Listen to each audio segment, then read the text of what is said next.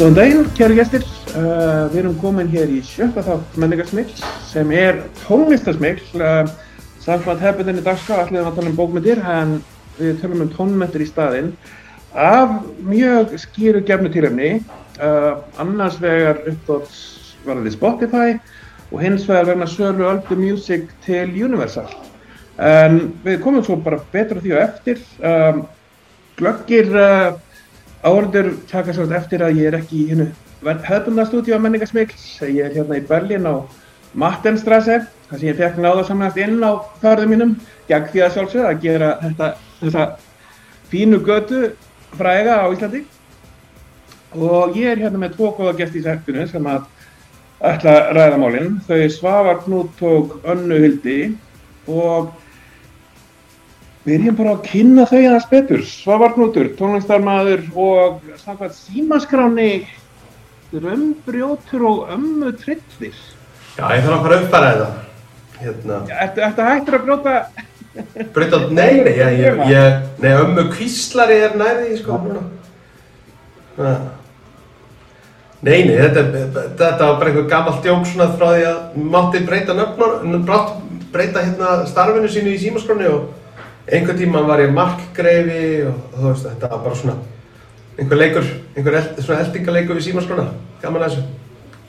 Nei, hvað ertu svona að, gera núna fyrst það er ekki hægt að treysta símaskráni í þessum öfnum? Já, að maður, ég er einhvern veginn bara búin að sökka mér ofan í þetta koncept að vera söngvaskáld og ferðast um heiminn og, og læra og, og, og njóta og svona, já, svona finna innblástur og heyra sögur annara og segja sögur og þetta er bara ótrúlega skemmtilegt.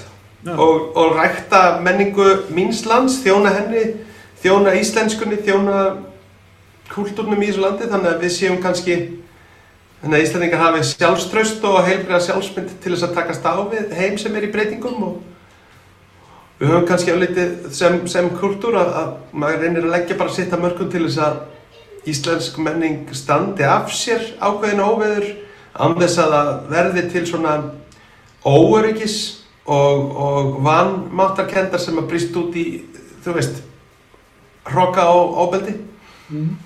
Þannig að ég, ég er alltaf með þá sko kenningu að, að í rauninni ég hef aldrei hitt rasista sem að, sem að sko kann þjóðdansa. Veist, ég hef aldrei hitt sko almennilegan rasista sko sem að, sem að kann rýmur sko. Þannig að um leiðu úr orðin sáttur við eigin menningu þá ert ekki hrættur við annara.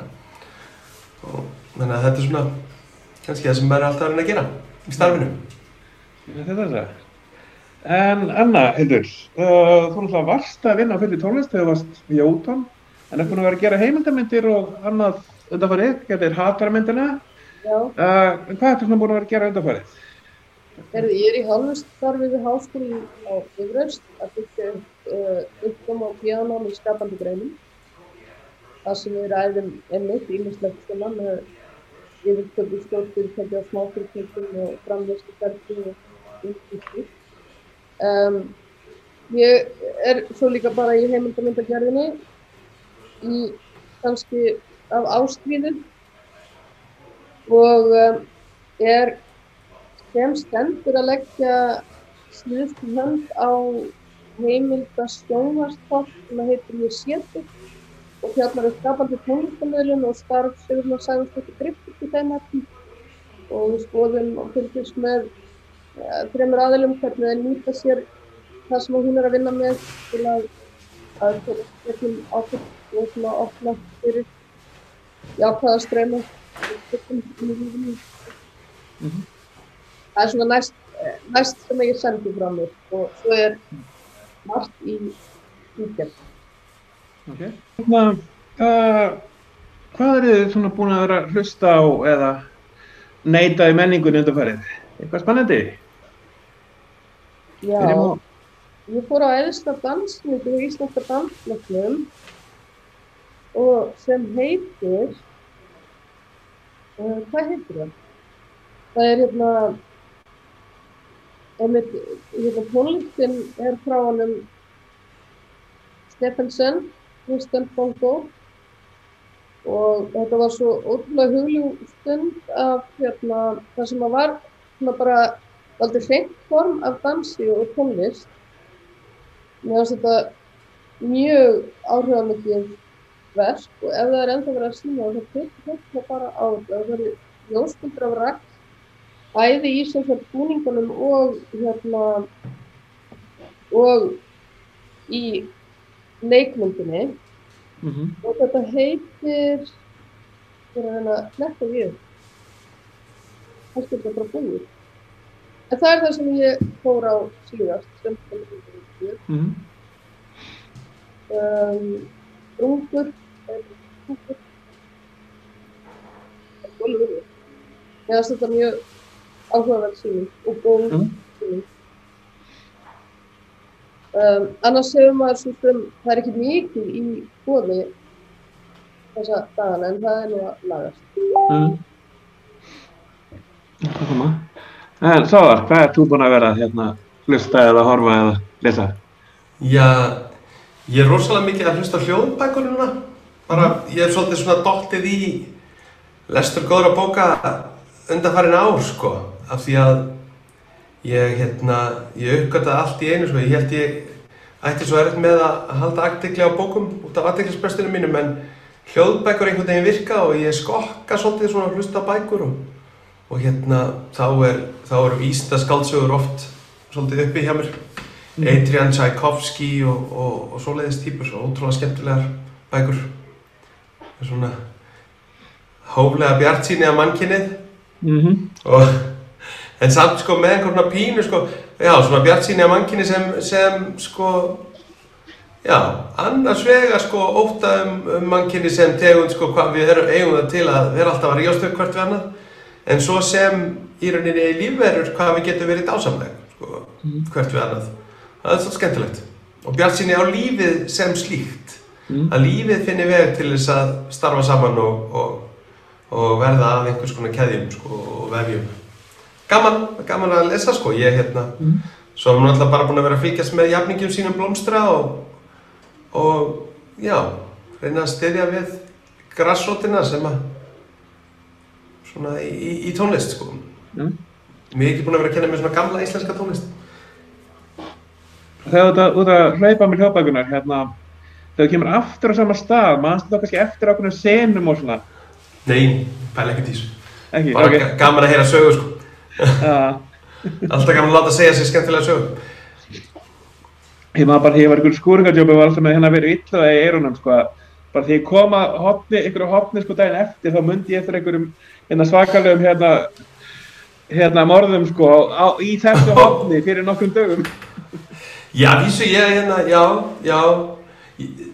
Nei, nei, ég, það, það er ekki alveg þannig hjá mér. Ég var líka að hlusta hérna Arnold Schwarzenegger, að æfisögunni hans, og það var alveg merkjuð, merkjuð típa hann Arnold. Og, og sko mikið í hann spunnið sem manneskju, sko. Fólk kannski afgreðir hann svolítið uh, auðveldlega, sko, á þess að gefa hann um sjens sem manneskju. Ég var náttúrulega skemmtilega óvart að hann er græmmetisötu. Já, það. Það var það nú ekki alltaf. Ég held að sé svona, Hann er komin í það liðið núna. já. En já, Nú- ég var líka lost út fyrir um daginn. Mér finnst það alveg mögnuð mynd. Já, hann var ekki gillinarmyndin hérna eftir Ferrandi, ekki? Já, hann er... hann er- Hólmann. Mm Ég var bara, hún er með fyrir glöfni leiktan og hún tekur þetta hlutverk í eitthvað svona samhengi sem er alveg magnað að fylgjast með. Það er svona, svona karakterstjöfn sem er eftirminni. Um þessar konur sem að er svona eitthvað svona að syrkja eitthvað svona falleysi eða, eða fall, já, svona sín og, stelur hérna, dóttur eitthvað ríks fólk sem að hérna hún verður svo vinur þeirra. En er alltaf með það hérna. -hmm. þetta, já, það er mjög skemmtlur að svona hérna hérna svona, hvað er þetta að vera svona compelling sögufræður eitthvað, það er svona maður finnst það bara djúpt og maður verður svona maður finnst spennt þegar það er komið að djúptan var alveg. Svona, hvað þessi tilfinningaband geta verið mikil hjá barninu sem á dúttuna og svo hjá henni sem er eins og ættir sína að það svona heldur sér í einhverjum karakter og er svo í þarna í myndina. Mér finnst það mjög vel gerð myndin en Mm. En svo við vindum okkur nú bara í hérna málmálana. Uh, kannski áður en förum í Beilinins Universal og hérna Ördu og allt það. Uh, þannig, hvernig finnst þér svo var tónlistan alltaf að þróast í kófinu? Svona gegnum kófið? Já, um, tónlistarbransinn eða tónlistar ég, ég, sko ég veit ekki, það er náttúrulega bara hann er náttúrulega verið botnfrosinn Mm á, á margan hátt og það, fólk hefur náttúrulega notað ákveðna glugga til þess að túra og spila, þú veist, þegar það hefur róast COVID og það er náttúrulega ótrúlegt að fylgjast með sko bæði listamönnum og listafólki og, og áhorundum um, sem sagt þegar það nýtir sér þessa gött til þess að gera eitthvað skemmtilegt og, og svona segir sína sögu sko. Um, ég fekk að njóta þess heiðus í, í COVID að, að og þeir bara ótrúlega skemmtilega lífsreynsla að, að taka þátt í verkefni sem hétt Global Music Match. Þar sem ég fekk að vinna með uh, nokkrum öðrum listamönnum og þetta var alveg fjöldi listafólk sem var í þessu verkefni og frá alls konar löndum og fólk var svona að vinna saman svona, svona kynna hvert annað, jafnvel kóvera lög hvort annars, jafnvel gera svona collab, svona samstarfsverkefni. Og þetta var mikill innblástur að, að, að gera þetta vegna þess að oft segir, uh, það er mjög algeng hérna svona mantra sko uh, hatt ekki leikaran heldur leikinn sko. Don't hate the player, hate the game. En svo þegar maður fyrir að segja megum við þá skipta um leik? Og þá segja þetta nei, nei það má ekki skipta um leik. Þú verður- líka að leika leikinn þó þessi illa við leikinn. Og ég spyr sko hver ákvaði að við ættum alltaf að leika Matador? Okkur, okkur eigum við alltaf að leika Monopoly? Uh, megum við spila Dungeons and Dragons ég, er til í það sko að því að í Monopoly er mann alltaf segað upp á móti vinnum sínum og fjölskyldu og, og listafólki að tala um trú um það að, að það sko sé ekki saman í liði. Það sé sko móti hvort öðru af því að það er nýfrálsíkjan, hún er náttúrulega bara þannig að það er allir á móti öllum og það er ekkert sem heitir samstarf eða, eða samtök eða samstað eða samfélag.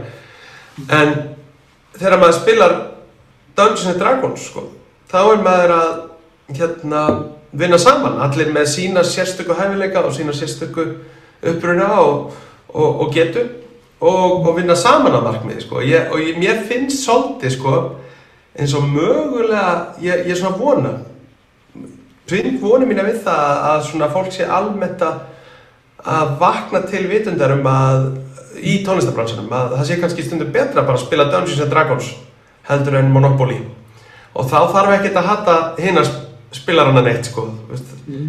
og það, það þarf ekki einu sinni að hata leikinn því að leikurinn er bara skemmtilegu þegar maður spila Dungeons and Dragons. Það er bara gaman.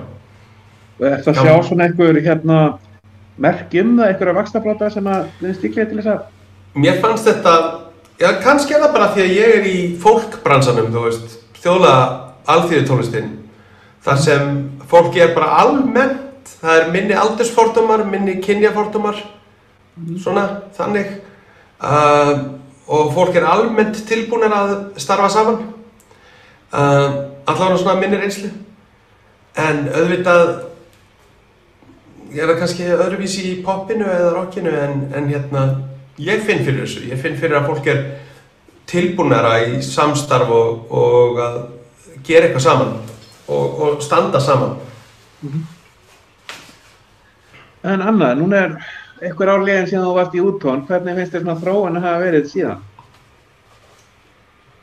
Um, það er náttúrulega, sko, ég er náttúrulega 2004-2012 og þá er þessi stafræna þróun byrjuð, en ef að við kannski tökum fyrir senum þá var sétidiskasala ennþá mjög sterk á Íslandi fram eftir öllu, mikið lengur heldur en í nákvæmna löndunum okkar. Þannig að listamenn sem að, svona kannski bara í listamenn á Íslandi og kannski gafa líka þannig að selja á diskum og svona og gáttu mókað útgaldið af þessum geisladiskum. Það hefur breyst algjörlega. Það er liðin tíð núna. Þannig að um, það er svona stærsta breytingin á Íslandi á skiltu, ég veit ekki, fjórum um árum. Um, í svona almennt þá hefur það bara fest í sessi að streymið er núna orðin aðal dreifingarlegin.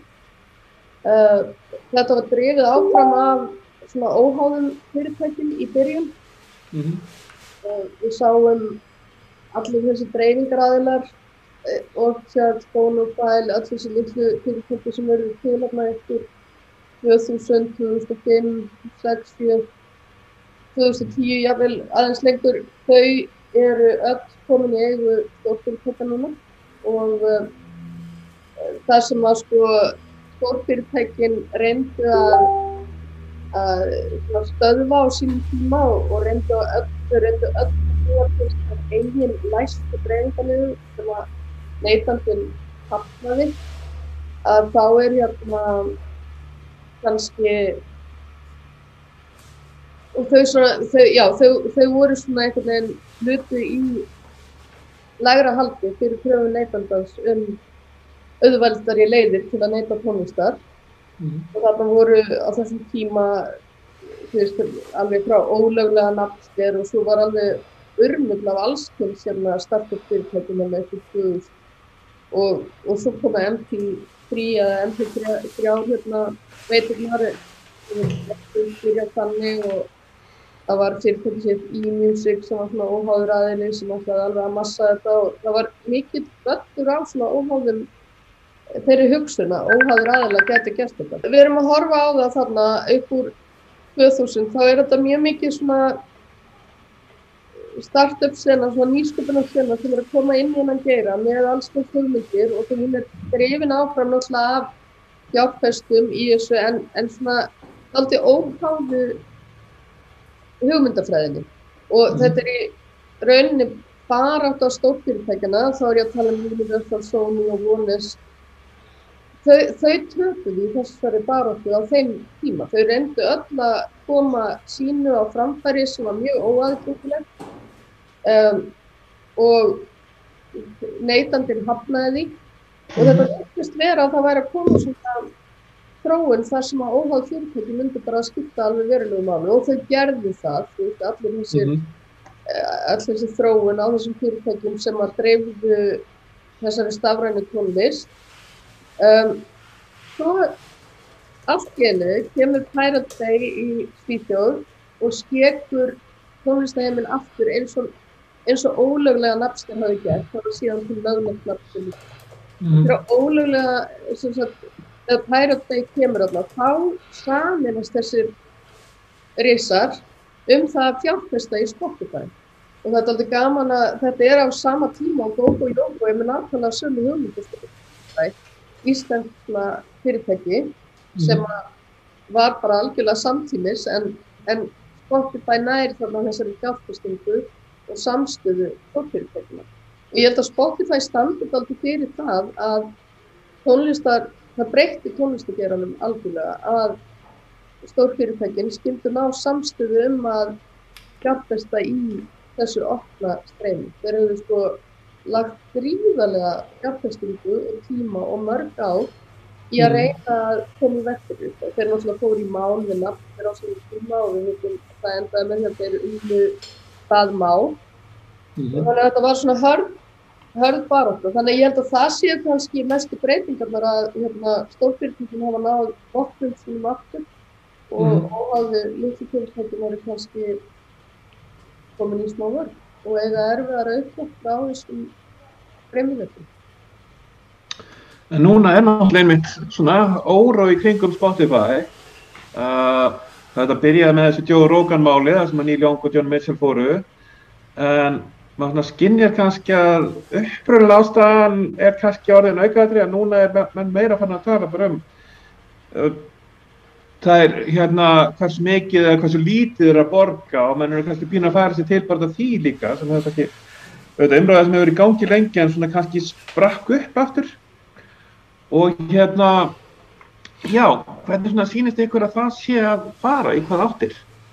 Ég held að sé sko fyrirgeða svo ég takki bara orðið strax fyrirgeða hérna annað heldur Það er einmitt, uh, ég hugsa svona um það að þetta snýst kannski ekki endilega um Spotify að þeir sé ekki að borga ná mikið.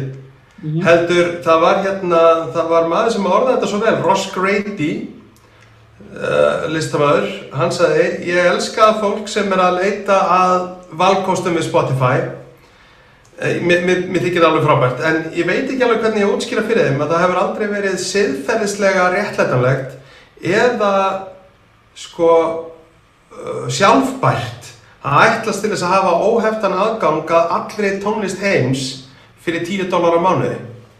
Mm.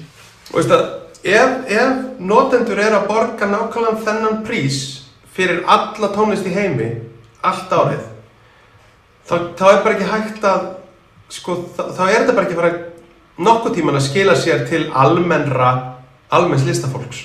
Mm. Svo er náttúrulega notendamódelið eða svona útborgunumódelið hjá þessum fyrirtækjum líka afskaplega skrítið. Mm. Þannig að virka þannig að sko ef að ég og þú ásker við hlustum og, og annað heldur hlustum á sitt gott artistan. Að ég hlusta bara svona á Chris veist, en hlusta svona 20 sinnum á viku á hann, þú veist. Mm -hmm. Og þú hlustar líka sko á hérna Hún hlustar á Joni Mitchell sko og hlustar á hann svona 20 snú í viku. Við borgum báðið 10 dólara eða 10 eurur í Spotify. Mm. En svo kemur Anna Hildur og hún hám hlustar á, á Taylor Swift. Bara, á, bara er bara með playlista með Taylor Swift sem gengur bara allan sólarhengin.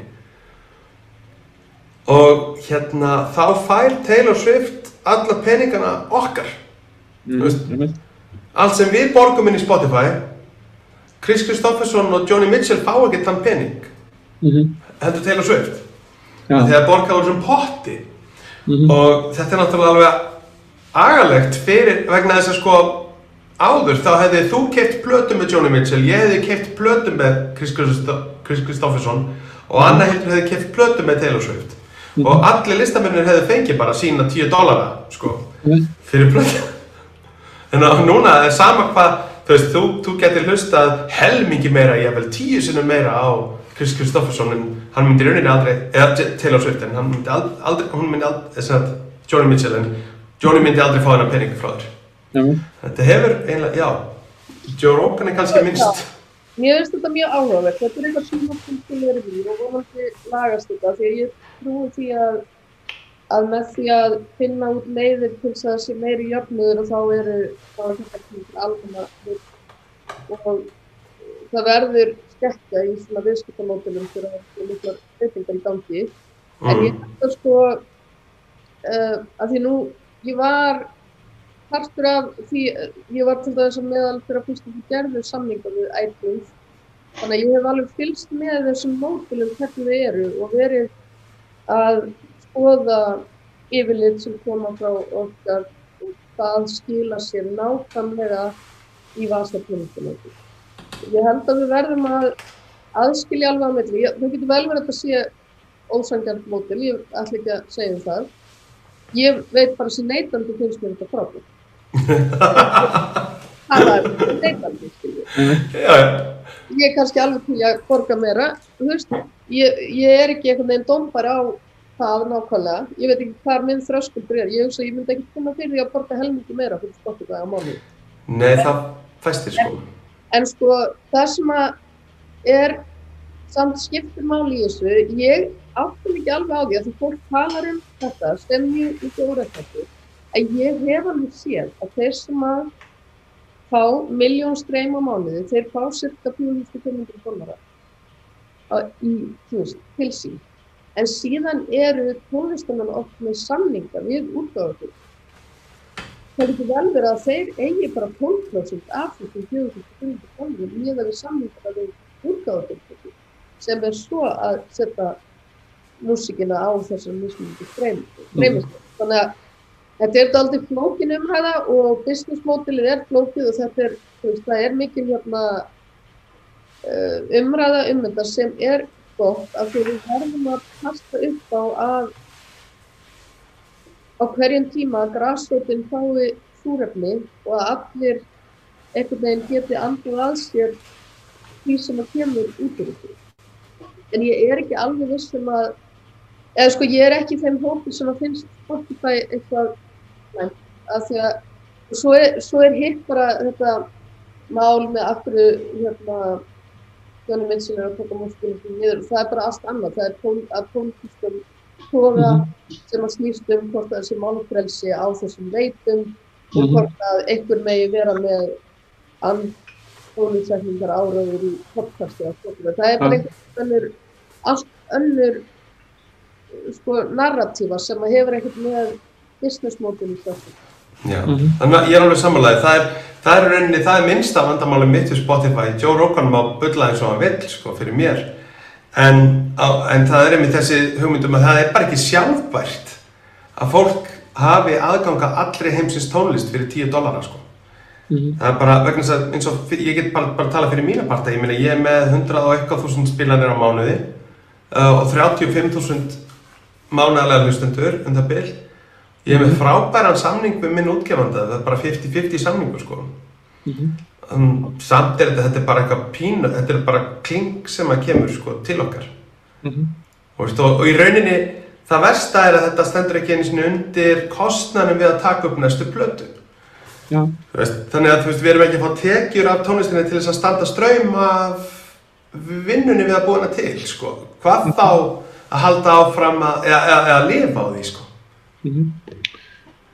Mhm. Það væri einhver svona, uh, er einhver aðra stjórnisveiti sem að þið sjáuð meira mögulegi eða, eða bara önnur mótel sem að geta einhvern veginn virkað? Þetta, þetta er, fyrir mér þá er þetta, þetta neytenda vænasta, Spotify er náttúrulega neytenda vænasta og ofan á það líka, þeir eru með rosalega gott viðmót við listamannin, sko Spotify for Artists og svona, sem að hjálpar listamannunum að koma sér á framfæri, það er alveg æðislegt.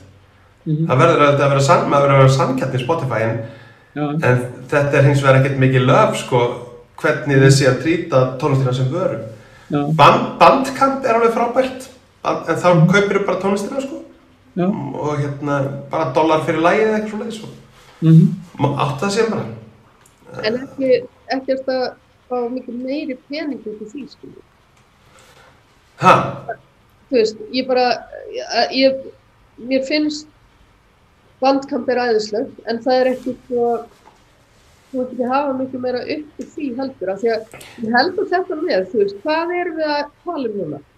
Já, við erum að aðganga allri heimsins tónlist, eða mjög stórum hluta af tónlist heimsins, eftir Mhm. að það kom svona, og þess- sá sem að enginn streymdi áður, hérna, ég á möguleika að fara, ég á til dæmis möguleika að fara núna bara og finna tónlist frá tónlistinu, sem að ég hefði aldrei getað gert á þeim að fara í skérbúður í London sem að kannski fyrir styrka búst og þannig.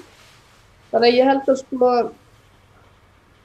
já, ég, ég held að krafan um að geta lifað af streymi er bara ekki raunhæft og, Mm. og hefur aldrei verið og það var ekkert hægt að lifa af geislaplötu útgáfi nema að þú værir komin með tölvert following eða tölvert mikil aðgæðingu. Mhm. Það var tap á geisladiska framleyslu hjá mjög stórum hluta hérna svona sjálfstæðra artista Mhm. okkar búin, en ég get alltaf bara að tala út frá minni reynslu Já, já. Og, og, og hún er svo að ég var farin að lifa af gæstladiskasölu Já. og, og það var bara góða tekjur og hérna og ég var, við, við vorum byrjar að fjármagna næsta disk í rauninni innan árs frá því við gáfum þú veist, hinn út um, en það var bara frábært hérna, en núna er þetta, nú horfum við ekki á að geta fjármagna næstu útgáfu sko. Mhm. þannig að hérna Nú verður þú, Svavar, að þú ert svona í svona entrepreneur í þér, sko. Þú lætur borga í hlaupaklubum hjá þér þú ferð Það var eitthvað æðistar hugmynd þegar hann fer. Hann fer út til Þýskalands og fer út að hlaupa með aðdáðandum sínum. Það er, það er þú finnur eitthvað business. Við, neða, það, er, það er að vissu mótel á því en þá borgum við sko, sko kólefnisjöfnunar verkefni sko. Sko, skóræktaverkefni og svoleiðis það er óháð sko. en, en skemmtilegt en þetta er bara, þetta er samt svolítið svona þú veist, auðvitað Spotify frábært út frá því að það demokratiserar svolítið Já. tónlistina en það er samt eitthvað súrt við að höggva tekjur tónlistafólks af útgefinni tónlist Mhm. niður um, er tífalt í rauninni. Mhm. Og svo er það líka, ofan á það, þá er líka ákveðin skekkja í þessu að eldri hlustendur sem að hlusta kannski á jazz, blues, folk, rock, svona, og svo indie rock og það allt, hlusta minna. Þau hlusta sko ekki eins mikið hám. Það skekkir tekjurnar á þá listamenn líka. Það mingar tekjurnar til þess flokks listamanna, þann genre. Á meðan að sko poppið og rappið og hip-hopið hlustendurnir á því þeir hámhlusta svo mikið að það, skemmt, pening, það dragast meiri peningar inn til þeirra artista þó að það sé kannski jafn margir aðdáðandur. Mm. Það sem ég eftir eiginlega hug bara núna þegar við tala sko, hvort það var sniðið að hérna uh, hafa eitthvað system þar sem að sko þú borgar kannski þínar 10 eurur í Spotify eða eitthvað líka og svo getur þú verið með þú veist auka 10 eða 20 eða 30 eurur eða hvað sem það er.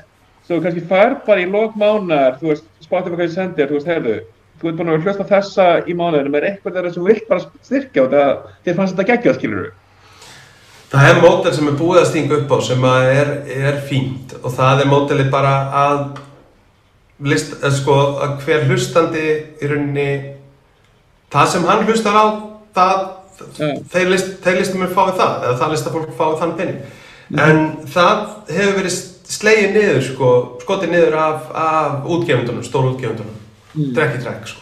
En það eru nokkur startup í þessu þar sem að þú getur í rauninni bara til þinn eigin plattform uh, og borgar listamannum til því. Já. Mhm.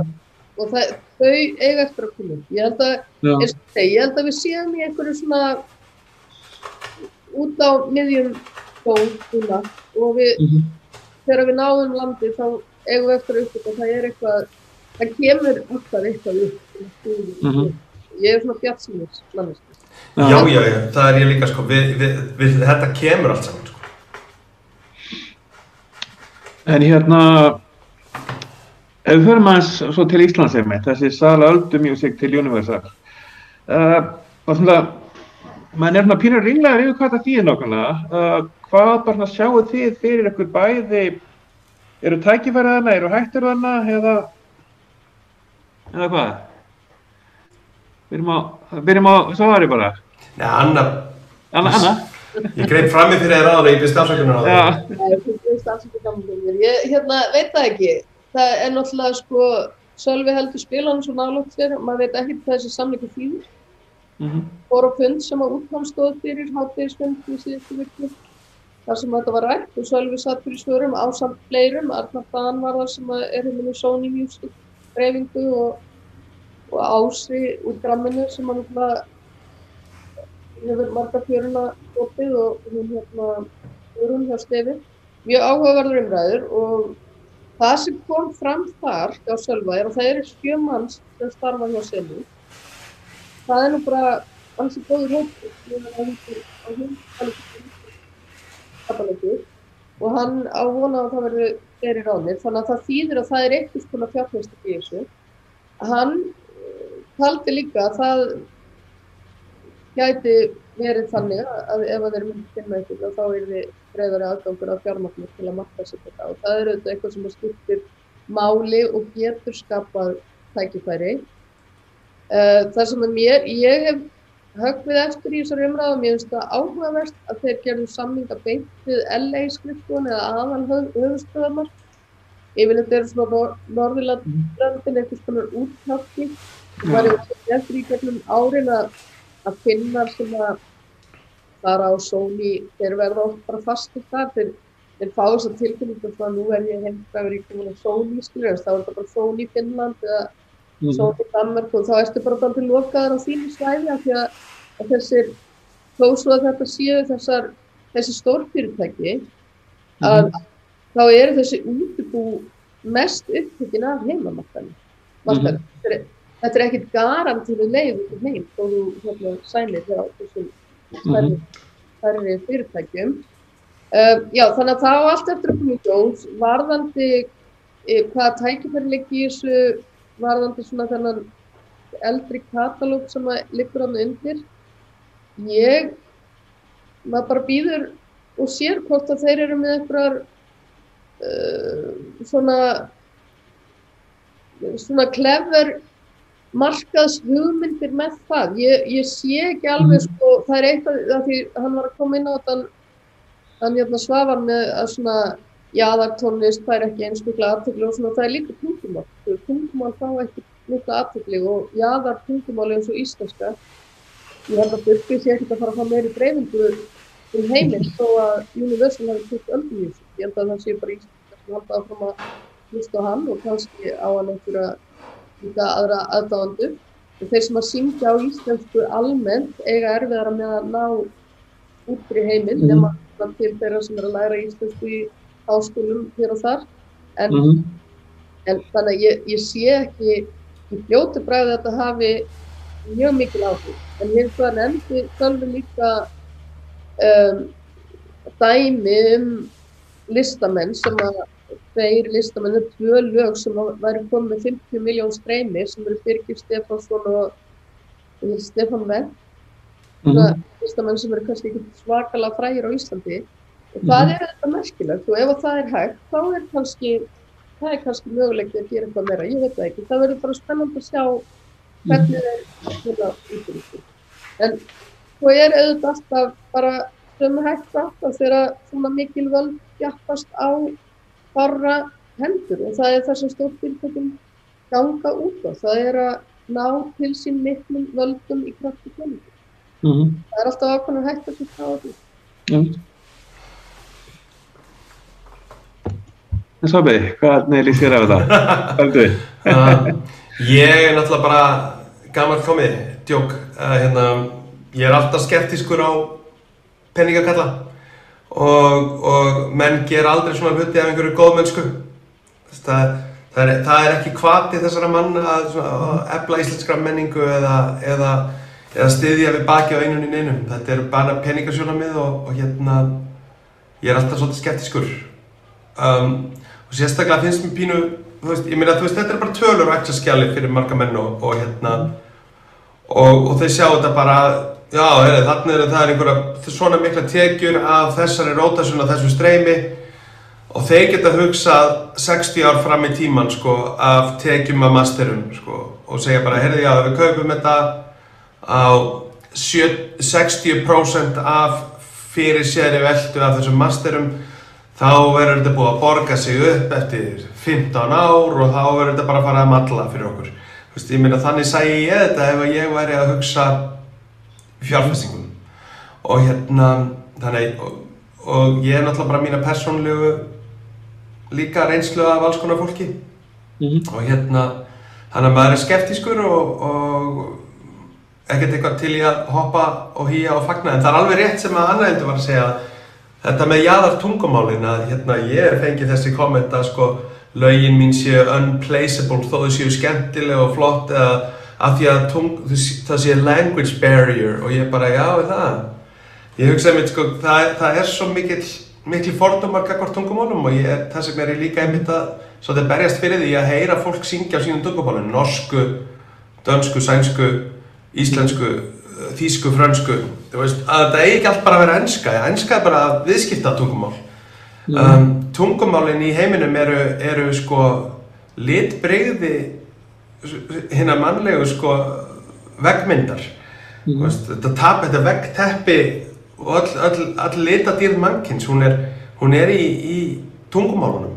Í hvert tungumál inniheldur sína eigin melodíu íslenskar melodíur eru öðruvís en danskar og franskar. Það er það eru önnur, annað klang, það eru ön, sko orðin hljóma öðruvís, þegar ég segi skí, Mm -hmm. þá er ég ekki að segja cloud. Og ég meina laglínan í skí og cloud er allt önnur Mm -hmm. og, og, og blue og blár og, og, og sjór, þannig að það er ocean og haf, svo, svo sé ekki minnst á þetta frábær orð, mountain, climb the mountain, við klifrum upp á fjall Mm -hmm. og þú veist að það er allt önnur melodía þetta. Þannig að ef að fólk ætla bara að afskrifa 99% af melodíum heimsins af því að það er ekki nógu þægilegt af því að það er ekki á ennsku þá er það svolítið svona það er svolítið döitt Mm. svolítið svona menningardauði og í rauninni mass extinction event eins og við segja bara menningarlegur. Uh, en já eins og, eins og Anna heldur sagði líka bara, þú veist, þetta eru, þetta eru ríki kallar í, á stórum skristofum sem er ekkert endilega, já, veist, þeir eru að hugsa um bottom line og, og hérna. Og svo er náttúrulega ákveðin spór sem hræða í þessu og við getum tekið dæmi um, um íslenskan listamann sem var að ganga mjög vel en var svo að keim lík tónlist við amerískan listamann sem gett mjög vel og það var hreinlega bara kiptur út Já. og bara lokaður inn í samning Mhm. þannig að hann gæti ekki gefið út plötur undir sínu nafni alþjóðlega það er bara anstíkilegt og, og þetta gerist alveg mér dætti einmitt í hug sko þetta er kannski annars verð þessi katalóg sem er raunin bara menningar arfurinn í í, tónlist uh, sem er kannski ekki endilega sömu hagsmunir og hérna starfandi aftur starf og það, það sem ég í hug kannski væri hægt að þú veist hvað ef, við tökum bara verbúðina sem er alltaf þessar svona 80s og 90s tónlist sem að er stórt aftur hvað ef einhver ætlar að gera áleika þátt og þarf alltaf að stækja Universal og hvað þeir verða að okra á þessu fyrir, fyrir Íslendingar sem ætlaði með að nota nota tónlistarafinu. Já, það var einmitt gott dæmi því að Sölvi sagði að þetta var mikið tónlist í þeirra katalóg í verðinni. Og uh, Sölvi allavega staðfæri það að íslenska skrifstofan myndi áfram stálum og að Universal eigi þetta þá er íslensk Mm -hmm. og ég held nú að skrifstofi í að það að hjartað og lungað í starfstömi þarf að vera tengt hverjum markaði. Þess vegna eru þeir að kaupa þetta um halvgastur á markaði. En það segir kannski hvernig er í freymist þróunni að það skulle vera áhugaverð fyrir júni pínulítið katalóg í alþjóðlegu samhengi og ég veit að þeir eru að kaupa upp sko stórspöldlega katalóga og, og allslut bara út um allan. Þannig að það er eitthvað sem að gerir einhvern veginn að leikna þeir eru auðvitað að skoða hvað þeir fá til taka Mm -hmm. fremskerfi á orðið að eitthvað sem að skipta skortið í máli og þau eru ekki búin að ná utan aftur hvernig við við getum lykkar eftir að hafa hafað hendingaskil Mm. Þessi stafran og þróun byrjaði þá eru þeir náttúrulega og, og eru bara að skilja þetta en ég ætla að segja bara ég get ekki verið meira sammála svavari um hvað er mikilvægt að halda utanum það að fólk sé að tjá sig á sínum tungumálum og aftur þá held ég til dæmis að að hérna Óskarsvelunin þegar að Suðurkórska myndi þetta Óskarinn það lésmunni svona dalti von í brjóst að heimurum væri að opnast fyrir því að, að það þarf ekki alltaf að vera á ennsku eða kynversku öðrum stærri málum að þú veist það eigi þessi möguleiki á að hafa litbreyði í Ísland sem er auðvitað mikilvægt og svafar eins svona hálfgerfið þess að, halda utanum aftur íslenska hluti. Ég er kannski pínu var aðeins að spáði með hérna um daginn að sá ykkur, ykkur tvo svona topp 100 lista hjá svona álíka miklu meginströmsblöðum annars vegar fyrir bíómyndur og eins vegar fyrir tónlist. Og ég tók eftir því að tónlistalistin var nánast sko 100% ennsku mælandi þegar kveimdulistin var ekki þú veist kannski þú veist 70% en hérna þannig að þú veist það kannski er ákveðið vandamál þarna að þú veist tónleik að bíómyndunar eru þó textaðar jafnvel döbbaðar á meðan að hérna það er náttúrulega, það, það er náttúrulega bara erfitt að framkvæma það með tónlistina, það er náttúrulega bara melodían í, í sko tungumálun er það stórt þáttur í því en það er kannski líka ákveðin uh, ákveðin hérna hindrun sem er kannski pina erfitt að hoppa yfir stundum sko. Já, það er reyndar, sko, hérna, núna eru tónlistamenn oft frá einsum heimsvörnum þarna að skrifa YouTube-vídeó sem þeir gera á eftir.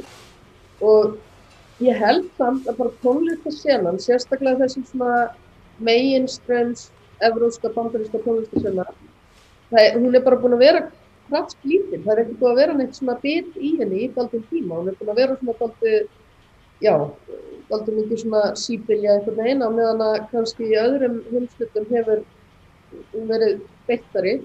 Mhm. og þú veist, á meðan að ka- ef ég er að, þú- í svona sögulegu tillit, tillit ef við erum að tala um að tónlistin leiti ákveðna byltingu í, þú veist, á sjönda og áttunda áratugnum þar sem að voru lífstilsbreytingar, mótmæli, flái, fáið, framvegið og framvegið.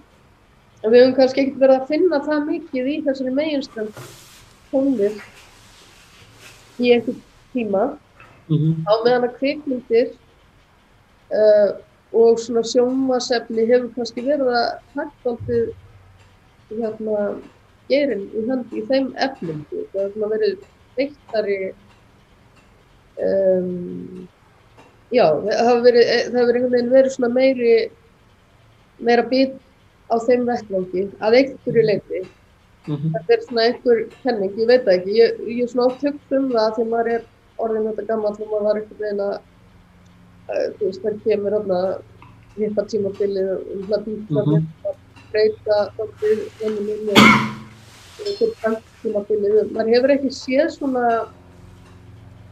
uh, róttaka bylgu í meginströmm tónlist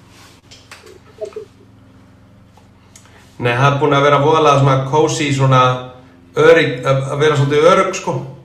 Mhm. Allavega í tvo, tvo og halvan áratug, núna svona voða playing it safe. Og, og búið að í rauninni rækta ákveðina svona fagufræði sko, sem er svona örygg. Mhm. Það er ekki svona, svona gælur og gæjar og ekki taka neina sénsa sko. Já. Erum erum ekki bara að hressa á djaminu? Ekki, mm -hmm. Og ég held að sé líka búið að sko, sko uh, rækta úr okkur eða svona að það búið að afskræma hinn pólitíska listamann.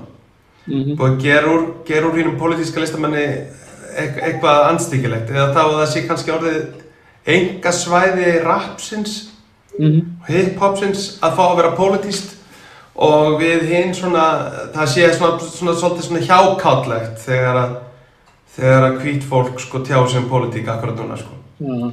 Kannski að því að strögglið er þar, ég veit það ekki, þetta er bara náttúrulega, ég er náttúrulega bara að blása í einhverja sápukúlu sko. En, en ég þannig að upplifa það sko að, að hérna, ég upplifa það mjög stert að Mhm. konseptið sko pólitísku listamæður eða listamæður með, með þá bara, þá hlaupa menn bara upp til handa fóta sko og hérna, það, það, það, vand, það, það, það, það er bara kjá, sko svona óviðeigandi og þú, ætti nú, þú ætti nú ekki að vera þessi vinnur og eitthvað svona sko það Mhm. það verður bara vandræðalegt og, og það verður mjög vandræðalegt ef að það er eitthvað pólitík í textunum sko hjá, hjá listafólki Ég hef mynd svona pínu, svona það, það rap sem ég hef heyrt svona undanfærin misseri sem eitthvað biti hefur eiginlega helst komið sko frá hérna friðheiminu, þú veist, Afríku eða Arabalanda. Já, já, Þá náttúrulega þarf maður texta sko, hérna, flestir vestmyndabúðar og það kannski þýðir að þá erfiðar með hann á framgangi en þar er svona ennþá, ef maður ennþá að skynja svona þess, þennan frumkvæmt sem var kannski rappinu fyrir til átjálum sko. A- amerískt rapp er orðið óskaplega væmið og, og safe sko. Það finnst manni sko. En að það er náttúrulega mainströmmurinn Já, ég held að ég get alveg tekið fyrir huglaust bara eftir að hafa svona hug og verið að kynna mér aðeins palestinska tónlist til dæmis, það finnir mér ekki fyrir eins og það. Um, og svo var hann í hérna Bobby Vine fórstundaframbjöðandi í, í Ganda, kannski ekki beint rappari en hann samt notar rappara líka svona power to the people movement þar. Ég man að veit ég uppgötaði eitthvað hérna skemmtilegt namibísk rap þegar að samherramáli var í aðgreiningi það. já, maður það mæli, mæli svo sérstaklega með Hikka sem er íraskur, nei íraskur rappari, prestanskur. En hérna, en já, aftur, aftur að hérna praktikinni, þannig að spyrja ykkur sko, uh, eða uh, hugsið bara um framtíðina, hver var svona kannski, hvað maður segja, hinn raunsæja útópía tónlistabransans, þú veist, hvað, svona gagvart hérna artistunum, hvað var svona raunhæft að berjast fyrir, hvað svona anslagi? Svo, veistu, og ég byrja ég veit ekki eins og ég, eins og ég var bara að minnast á þarna aðan sko að ef ég, ef ég má hatta leikinn, megum við, megum við skiptum leik, megum við hætta að spila Monopoly? Mhm. og fara að spila Dungeons and Dragons af því að það er miklu skemmtilega að vinna saman. Það er miklu skemmtilega að búa til uh, búa til eitthvað saman frekar heldur en að vera að reyna að rífa alltaf á hvort öðru sko og reyna alltaf að líta á aðra listamenn sem andstæðinga eða mótherja. Mhm. en svo er nú líka hitt sko þessi stjörnuvæðing. Hún er svo ó- óheilbrigð sko, og mér finnst að við sem, sem veröld, sko, ég veit að það er ekki beinleins business friendly fyrir stóru leipilana að þurfa að hafa fyrir því að, að hafa fleiri en 5-6 major artista hjá sér. Uh, af því sko stjörnuvæðingin hún virkar bara þannig, þetta er allt hérna economics of scale að þú veist það er miklu ódýrara fyrir batteríið að fá 50.000 manns á tónleika sem að kaupa 50.000 bjóra, 50.000 pilsur, 20.000 hérna tébóli og einhverja minjagripi, þú veist, svo er bara hægt að fara með allt batterið í næsta bæ og bara rinse and repeat.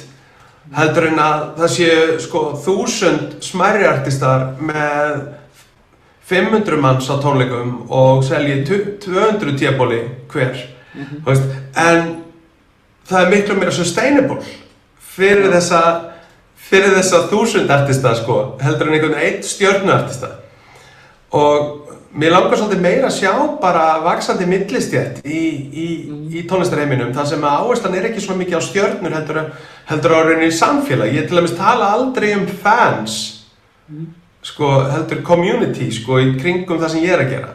Ég á ekki aðdáðandur, ég, ég, á- mér samfélag af fólki sem að kýsa að mæta tónleikana mína og eiga með mig tíma Mhm. og það heldur mér mjög sko fjárhæslega sjálfbærum af því að þetta er bara í staðin fyrir þetta sé eitthvað svona business model eða eitthvað þá er þetta bara lífsmodel Mhm. og ég held að þú veist ef, að, þú veist, ef, maður, ef ég segi fyrir mér eitthvað sem að stöðla að sjálfbærri framtíð fyrir list og fyrir tónlistina þá væri það það, þessi aftenging stórstjörnuvæðingarinnar. Mhm. Ég, það er Íslands þjónsett sem ég kannast við vel og, og hérna er mitt búin að vera að spila svolítið úti núna fyrir stærri og stærri uh, hópa. Og þeir sögðu sko að ákveðnum tímapunkti þegar þau hægt að spila í 500 til 1000 manna húsum og voru farin að spila á 10.000 manna, 20.000 manna, 30.000 manna stadiums og, og yfir þá fór þetta svo mikið að vera bara playback og þeir hægt að mega leika sér. Þau, þau hægt að mega hafa gaman. Uh, improvisera, ge- gera eitthvað flip. Mhm. uh, af, því að, af því að það varði alltaf að vera svo opbóslega inn í formi. Bara hreinlega út af hljóðblöndun á 50.000 manna stadium Mhm. og hvað sögu segir þetta okkur? Það er hægt að vera gaman fyrir þessa hljómsveit að fara á túr og hafa, og þú veist, og eiga þetta samfélag við, við og, og það kostar bara alveg helling fyrir þau að halda þessu stóru tónleikar, það, kost, það er miklu meiri yfirbygging á þau líka. Þannig að netto peningurinn sem þau fá kannski fyrir túr er ekkert endilega mikið, mikið meiri. Mhm. Heldur en ef þau tækju sko fleiri smerri tónleika. Mhm. En hérna, en ánægjan og, og, og vinnu ánægjan þeirra hefur, hefur rýrnað og sambandi við áhörðuna. Þannig að hérna, En þetta er náttúrulega líka spurning til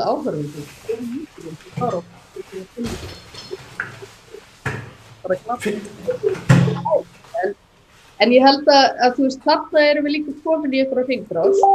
Að það er búið að búa til svona stadium hérna, hring af, af, uh, af stöðum sem þarf að Mhm.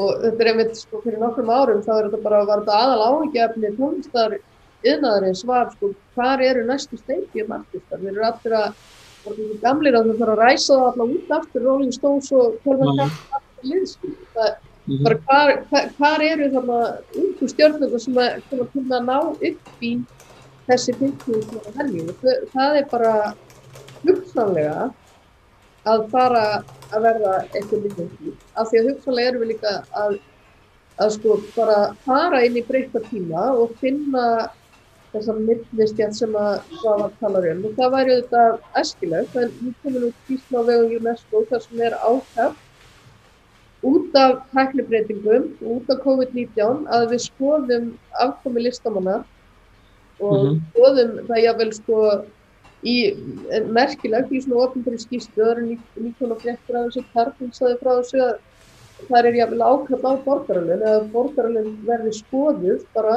Mhm. Um þunga til þess að uh, bara tryggja uh, afkomu fólks.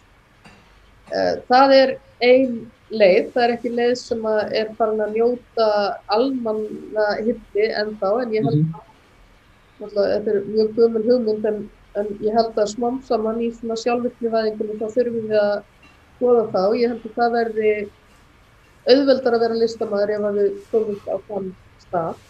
Mhm. Við hættum að útfjöla listamannalögnin fyrir einhverja ákveðna, ákveðin verkefni og svo framvegis. Það verður bara sjálfstætt að fá að vera listamæður á borgaralögnum eða bara almennu borgari á borgaralögnum þess vegna.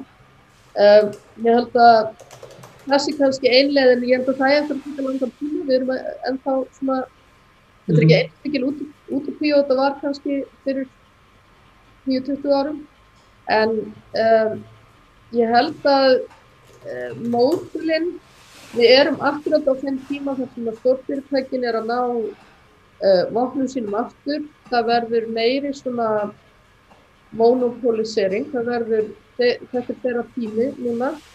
Um, en ég held að það fer alltaf í einhverja hringi. Það verður einhver Mhm.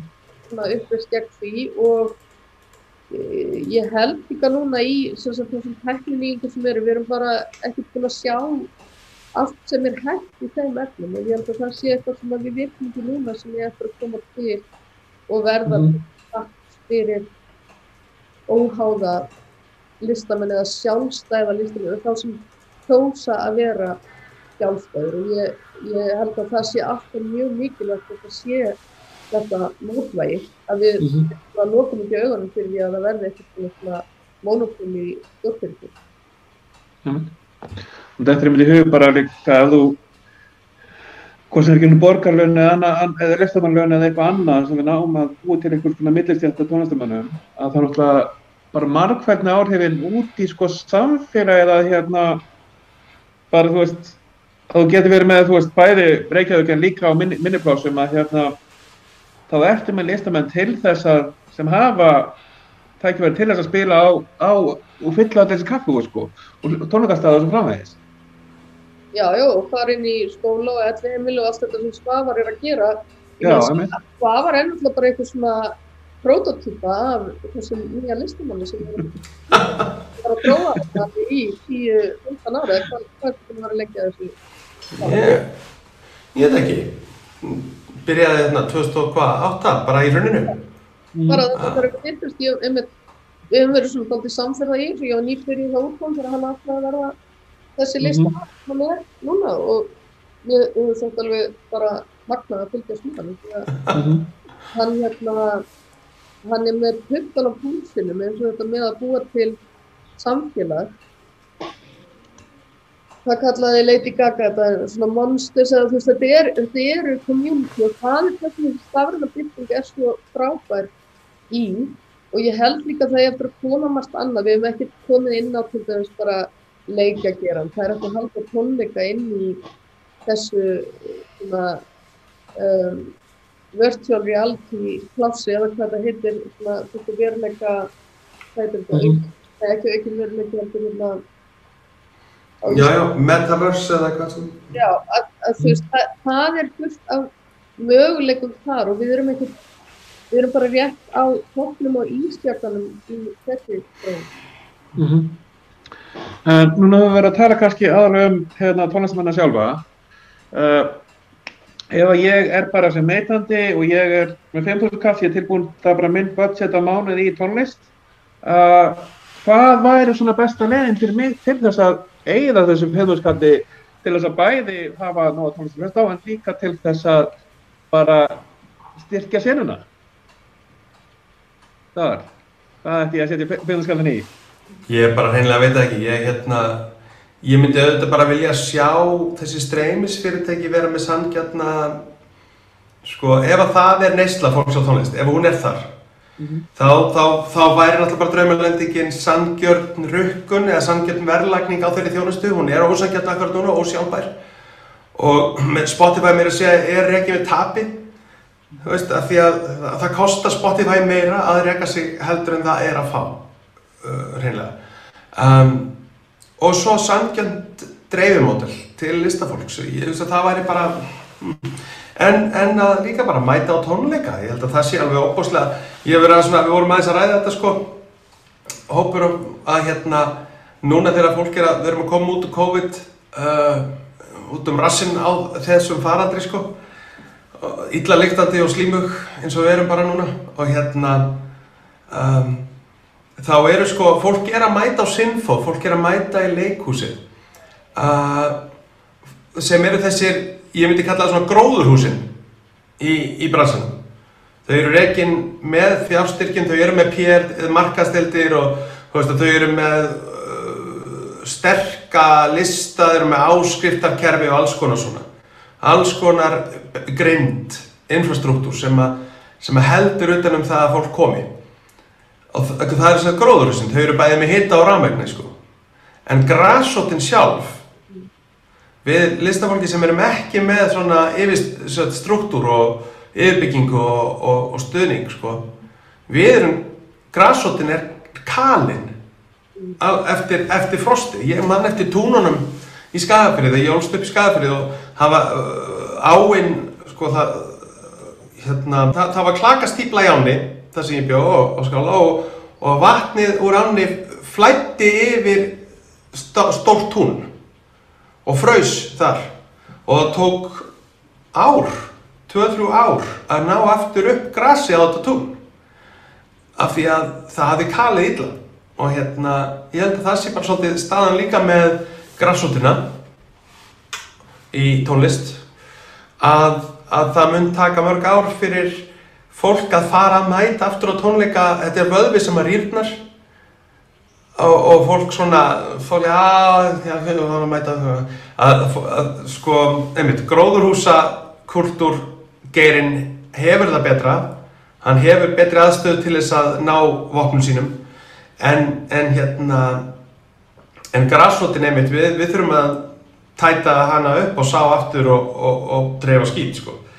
því að hérna, það þarf mikið TLC til þess að koma henni aftur á, á fætur ég, Já, ég bara tek undir þetta að við, ef við hugum ekki að grassrootinu þá erum við að tapa miklu sko. það er bara, er allt á nummer 1 og 3 þá verðum við að muna að grassrootin er svona súrefnum, þegar við erum komin í hærri laugin þá erum við komin í meira svona raffineraða, þú veist, markarsendingu sem er, þetta vinnur saman en við verðum að huga að grasrótinni, einugganum og smáfyrirtækinu, sem þau eru alltaf súrefnum til nýjar hugmyndir, þú veist, stórfyrirtækin eru bara eins og bankar og fjármála stofnarnir, þú veist, og það, það þarf líka, en, en við þurfum, þú veist, við getum aldrei rækta neitt ef við höfum ekki að gráðstofnum. Þannig ég held að ég held að sé nú mikilvægt að koma þessu vel á framfæri og kannski eru,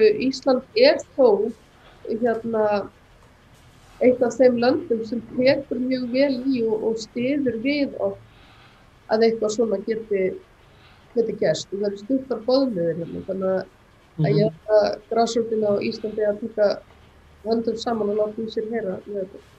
Mm -hmm. En svona talaði bara um græsvölduna, svo endum þetta á heimsvöldinu. Hérna, er ykkur skemmtilega græsvölda sena sem að þið hefur verið að hlusta sem að ykkur langar til að mæla með? Við byrjum bara önnu. Sko, það bara vermdi hjarta mitt mikið að sjá Little Sims stíga á sviðið á Bryttamótt. Þetta eru stærstu velun Breitlands og voru svona þú veist, maður einhvern veginn, hún er sjálfstæður listamæður, gríðalega öflug og klúntið, hefur úr fátökum aðstæðum og það var bara magnað að sjá hana fara með mömmu sem á flið og lifta stýttinni og segja sérði hvað við gera mamma. Mm. Og, og þannig að ég bara mæli með henni, uh, lægið henni og þána Introvert Woman sem hún flutti á Bryttavorts var alveg æðisluður flutningur og ég svona bara já, ég táraðist finnst þetta tilkvæmum og að ég er búin að vita af þessari stelpum mjög lengi? Sem er búin að vera í jaðarsenni hérna í London í mörg mörg á og það var svona, ég einmitt sagði hérna þegar hún fór á sviði, já, loksins, þetta er þetta og hún er búin að bara alls með því. Um, ég var svo erfitt með að velja eitt en við, sko, ég svona talandi um líka þessi heimstorg ég er auðvitað búin að vera alltaf upptekinn af palestinsku tónlist. Síðan ég fór þarna með Hattara uh, 2019 og það var ótrúlega gaman að sjá Bashar Murad hérna koma út með lag sem heitir Athena eða, eða hérna Loftnetið þar sem hann var í samstarfi við rappara sem heitir Tamar Nafar, Tamir Nafar og mér finnst það svo gaman og ég mæli mig að fólk hérna horfa á þetta laga því að öll vídjónas Basars eru svo geggjur líka. Og það er svo gaman að síðan hérna hattar í fór hérna út og þá er hérna Baldin Vernhast og fólk í kringum hann alltaf að vinna með honum að eitthvað leiti í vídjón og, og þessi Tamar, ég hérna uppgöttaðan þegar ég var að gera heimildavinnu fyrir hattaramyndina að hann var í, í heimildamind sem að Væs gerði. Uh, og í mm -hmm. þessari Væs heimildamind sem er minnir að hann heitið Hip Hop in the Holy Land. Mm -hmm. gerð 2015 ég mæli með henni líka. Æðislega skemmtileg mynd og, þú sýnir mann svo mikið. Einmitt þetta ótrúlega hérna, þörf fyrir að segja eitthvað og hafa eitthvað að segja og vera með eitthvað sem skiptir máli. Mm -hmm. Þannig að já, ég mæli með því og svo er ég alltaf líka á til að teka á hérna Bobby Vine vinnunum í, í Íslanda sem að er ótrúlega tónlistamæður og tónlistamæður. Mm -hmm. En svo, einhver græsvöld sem að þú ert að vala með núna? Veistu, ég er bara svona með hausinn svolítið út um allt akkurat núna og hérna, og mín, auðvitað sem, sem starfandi listamöð, þá náttúrulega mín er náttúrulega bara heimagræsvöldin. Uh, íslenski alltíðu tónlistabransinn og, og hérna, ég auðvitað bara, ég get ekki annað en meld með því að fólk leggja rægt við það svona íslenska alþjóðlista menn og alþjóðlista konur og, og allt, á, allt á þeim hvarða um, en hérna já, ég, ég er bara hrifnar og hrifnari af, af því að sjá sko svona flotta íslenska flott íslensk listafólk sem að hérna er að syngja á íslensku og jáfnvel að, að kúpla sér frá einhverju svona pop-orientari fagofræði og, og inn í kannski svona opna svolítið faðminn á, á að Íslandingar eru bara svona lítil krútleg þjóð á einhverju eigu þar sem er kallt og blöytt og, og fjöll eru hættuleg og, og sjórn í skrítinn og, og hérna það er svolítið fallegt þegar maður fyrir að heyra sko það umfaðmaði í tónlist allt í einu aftur mm. um, en auðvitað það er svo bara svo ótrúlega margt og ég er alveg sammála önnuhildi að hérna eitt af því flotta sem Spotify hefur gert og og bara internetið er að það opnar opnar hérna heiminn fyrir okkur að, að við erum allt í húnum fann að geta hirt hluti sem við hefðum aldrei hirt áður. Að vísu eina mínum uppáhalds uppgötunum hann að gerði nú áður en að interneti tók þetta nú allt yfir og það var thailenski rapparinn Joey Boy sem ég held alveg ríkala mikið upp á og, og rapparinn mitt á thailensku og hann kjarnar svolítið þetta sem ég var að segja um að tungumálun er með melodýra því að þetta er thailensk rap. Og það er svo melodíst og það er svo sko hvernig hann rappar að, að, hérna, að tælenskan er svona fónetík tungumál, það er, það er melodíst sko. Að, að hérna sama orði getur haft fimm ólíkar meiningar sko eftir því hvort þú segir ma, ma, ma eða ma eða ma. Og hérna þá ertu að það er styrlað að heyra rapp sem er byggt á, á því en ekki þessum rithmíska hérna grunni ennskunar og ég mæli bara með að fólk tekki á sko söðaustur asískum rapsenum af því að bæði indonesíst, vietnamst, thailandst og burmist rap thailandst og indonesíst og vietnamst og burmist og, og lá, hérna lást rap og, og hip-hop er mjög spennandi agur að að í og malaysist af því að þarna eru tungumál sem er opbáslega hljóm mikil og, og hljóm breið. Og mjög gaman að hlusta á. Og líka, líka einmitt uh, opbáslega gaman að hlusta á sko svona sub-Saharan rap tónlist frá Suðu Súdan og, og, og, og þar Namibíu. Einmitt þess að varst að minnast á. Prófa að hlusta á rappa á þessum tungumál þess að með eitthvað allt annað í gangi. Það er vegna að ég hugsa líka bara við vesturlandabúar, við erum orðin svo ofdegruð og við erum orðin svo spoiled að, að uh, yrkisefni meira sé að mín og allra eru bara orðin svolítið svona Það er bara, þú veist, það er er illa með mig. Ó nei, ég er fyrsta stelpan sem haldið var framhjá, ó nei, eða eitthvað. Og þetta er allt svo voðalega mikið fótgangandi. En og og auðvitað á maður ekkert að vera að bera saman vandamál fólks þvert á heiminn sko en manni finnst stundum að það sé svolítið meira real þegar maður er að hlusta á palestínst rap. Svona alvöru alvöru, alvöru mál. Ég held að hérna þess vegna kannski eina ástæðanum fyrir því að maður er sjálfur svona hikandi við að vera með einhvern breytingunatón í sinni tónlist. Því að hver er ég til þess að vera að lýsa yfir einhverjum vandræðum sko þegar að í Palestínu er, er hreinlega verið að sprengja börn og skjóta þú veist fyrir ekki þetta rand Þetta var bara- Hæ, hvað sagði þér, Anneldur? Ég sagði þetta var heimshorna flakkið okkar svavars. Já, nákvæmlega. Heyrðu, með þeim orðinu þá bara þakka ég kærlega fyrir í dag. Uh, svo bara hittust aftur í næstu viku og þá verða bókmyndir. Það er, það er nýtt að það er hreinu og svo bara sjáum við til hvað verður nákvæmlega til umverðunar. En takk fyrir í dag. Stundir.